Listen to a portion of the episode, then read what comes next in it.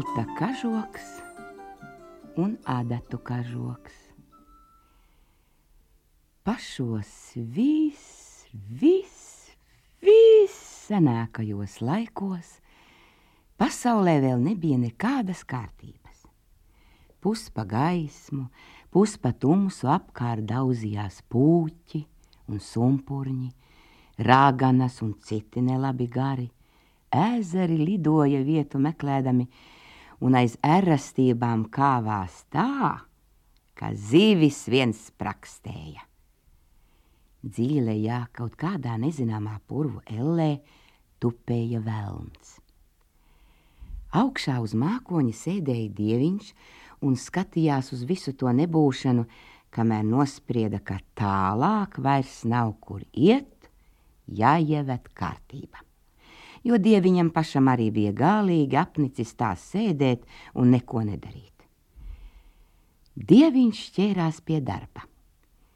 Pirmo viņš uztaisīja lielu zilu bļodu, debesis, iemeta vidū zelta ābolu par sauli, piesvieda malā otru mazāku par mēnesi, bet atlikušo zeltus sadrupināja sīkos kriksīšos un izbārstīja pa visu bļodu, lai būtu zvaigznes arī.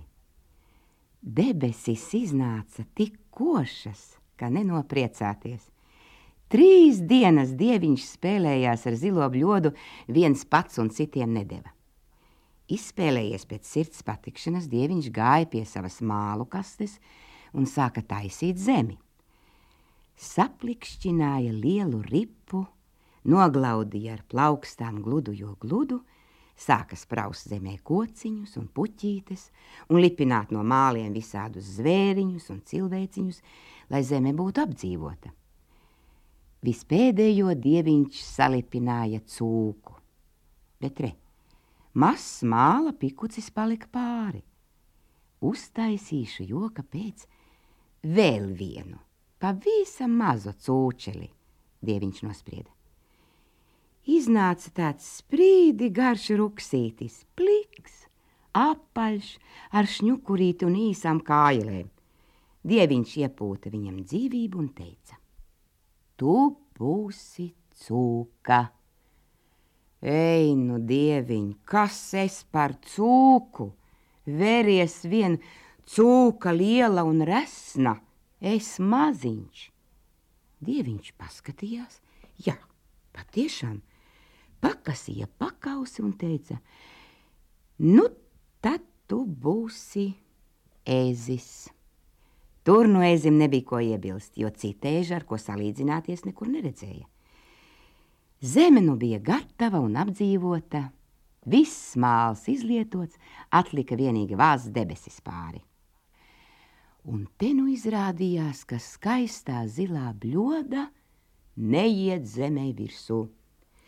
Dieviņš zemi ripinādams nebija iedomājies nomērīt, cik lielai viņa zemē jābūt. Ko nu darīt? Sīs zemi kopā un taisīt jaunu, bet zeme jau bija apdzīvota. Sist kopā zilo debesu bļodu, bet bļoda bija tik skaista, tik koša, ka nekāda necēlās roka to sadauzīt. Dieviņš apsēdās un sāka gauži raudāt. Ēzis noskatījās, kā dieviņš bēdājās un teica: Neraudi, dieviņ, saņem zemi aiz malām un saspied mazāku, gan tad dabūsi debesis virsū. Bet tad jau zeme sakrunkosies un nebūs vairs gluda, lai krunkojas. Ko zi, vēl košāk iznāks? Bail jau nu dieviņam bija gludo zemi krunkot, bet kas atlika? Dieviņš ņēma ripu aiz malām, spieda no visas spēka, zeme saraucās kalnos un lejās, un skaties vien tā patiesi bija vēl košāk. Un debesis uzvāzās virsū vienā rāvienā.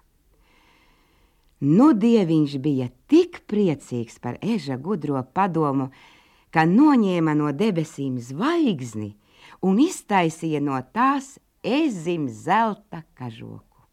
lai citi jau pa gabalu redzētu, ka tur nāk visgudrākais, vispārākais no zemes radījumiem, paša dieviņa padomnieks. Ezis aizgāja pasaulē lepnāks par lepnu, bet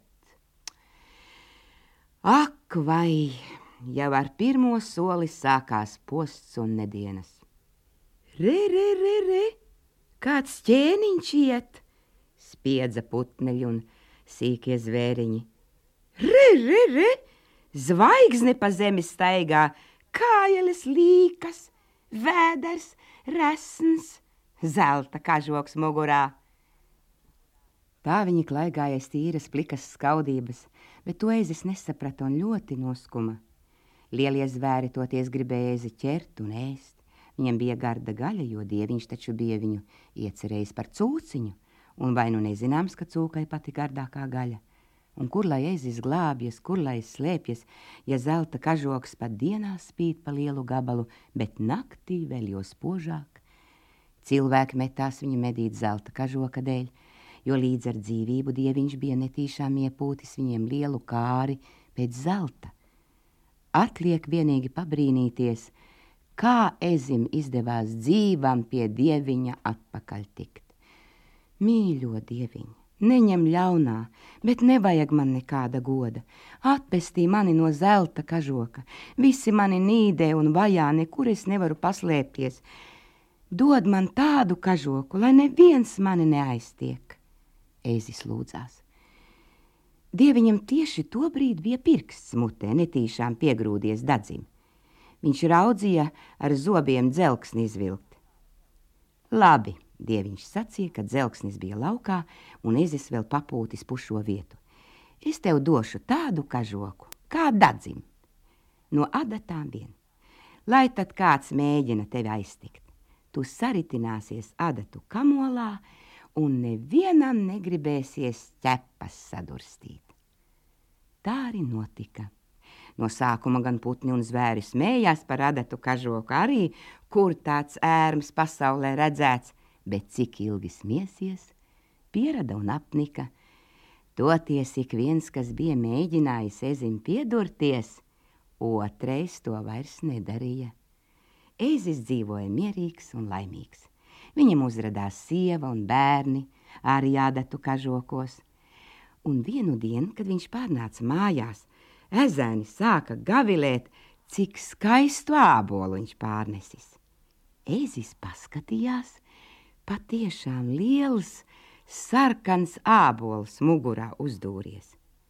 Laikam jau tas bija noticis dārzā, kur ezis no vanaga glābdamies saritinājās zem ābeles. Nu, ezim bija skola rokā, kur redzēja skaistus ābolus vai gardas sēnes, tur pavārtījās un pārnesa savās adatās visādus labumus, lai vēl kuram tāda dzīve kā eža sievai un bērniem. Citi zvēri un putni pasaulē iedzīvojušies un apskatījušies, ik mīļu dienu skrēja pie dieviņa sūdzēties. Vienam likās šim košāku spalvu vajagot, otram deguns esot par garu, trešam aste par īsu un tā bez sava gala. Tikai ēzis par adatu kažociņu nesūdzējās un pareizi darīja.